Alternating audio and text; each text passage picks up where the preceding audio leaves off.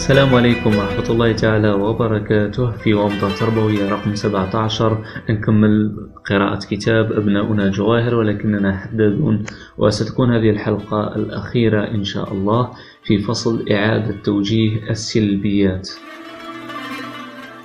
من بعد ما نسيو في بناء الثقة واصطياد الإيجابيات أطفالي لازم هذه غلط لازم نسيو في الأخطاء منش نتعامل مع كاتب تقترح بعض الحلول. أولها فصل الخطأ عن المخطئ. متى معناس؟ يعني أن نفصل السلوك مثلا نطفل غلط الرزق نشرة عن المخطئ عن شخصية الطفل.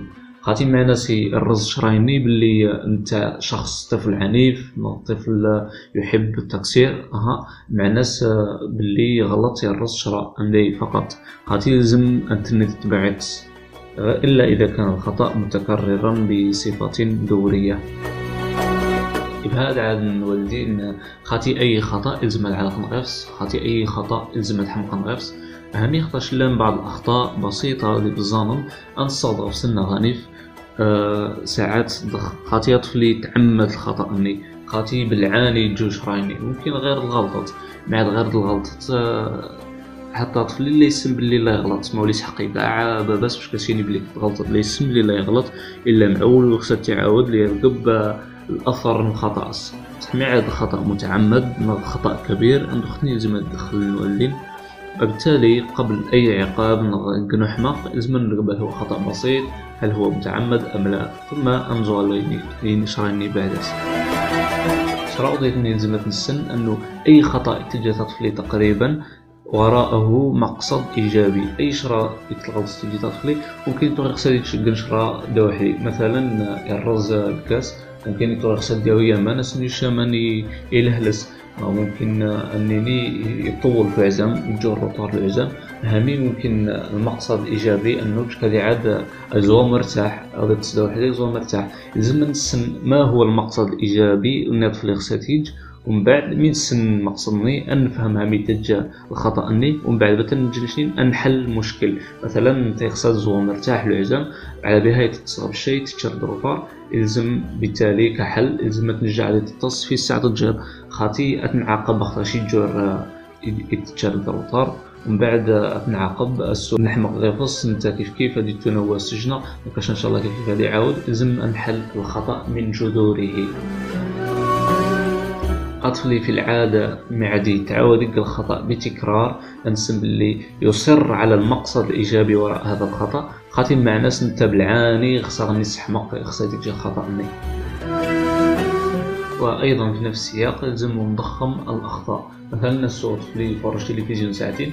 بس نقر آه، شتي ديما تفرج التلفزيون ديما تطول فرج التلفزيون لا بالعكس هذه الطريقات نستعمل في الإيجابيات. مثلا يجوش هذا واحد سنين هيش ديما تجي تقصد الخير ديما نستعمل في الجانب الآخر.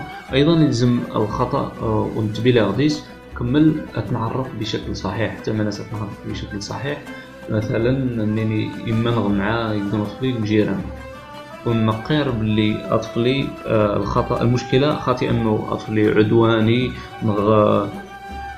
نغ عنيف. المشكلة هي أنه اطفال يزديغوا للميد ماشي عاد يتعامل مع ميدن. مي عاد صار جرس نلقى المشكل وبالتالي ما عاد نعرف المشكل على أنه ازديغوا للميد.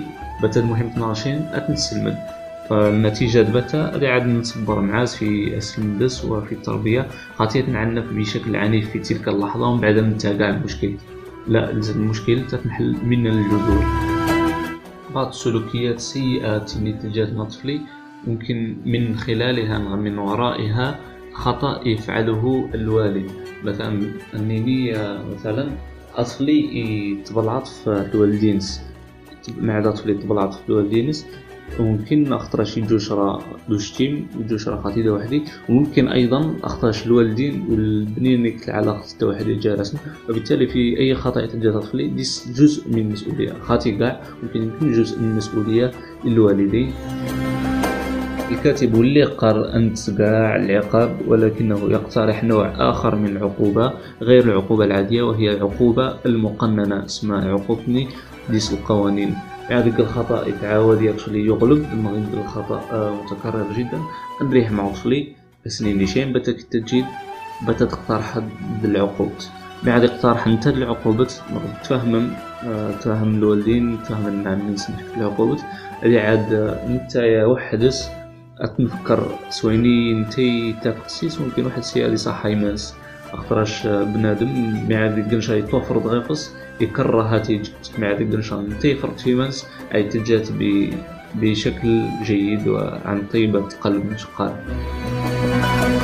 بهذا التسجيل نختم قراءتنا في كتاب أبناؤنا جواهر ولكننا حدادون. أفكار باللي يعني كشرحة كشرحة أفكار الكاتب.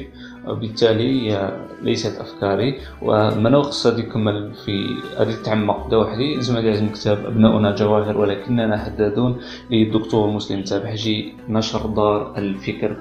أرجو أن تكونوا قد استفدتم. والسلام عليكم ورحمة الله تعالى وبركاته.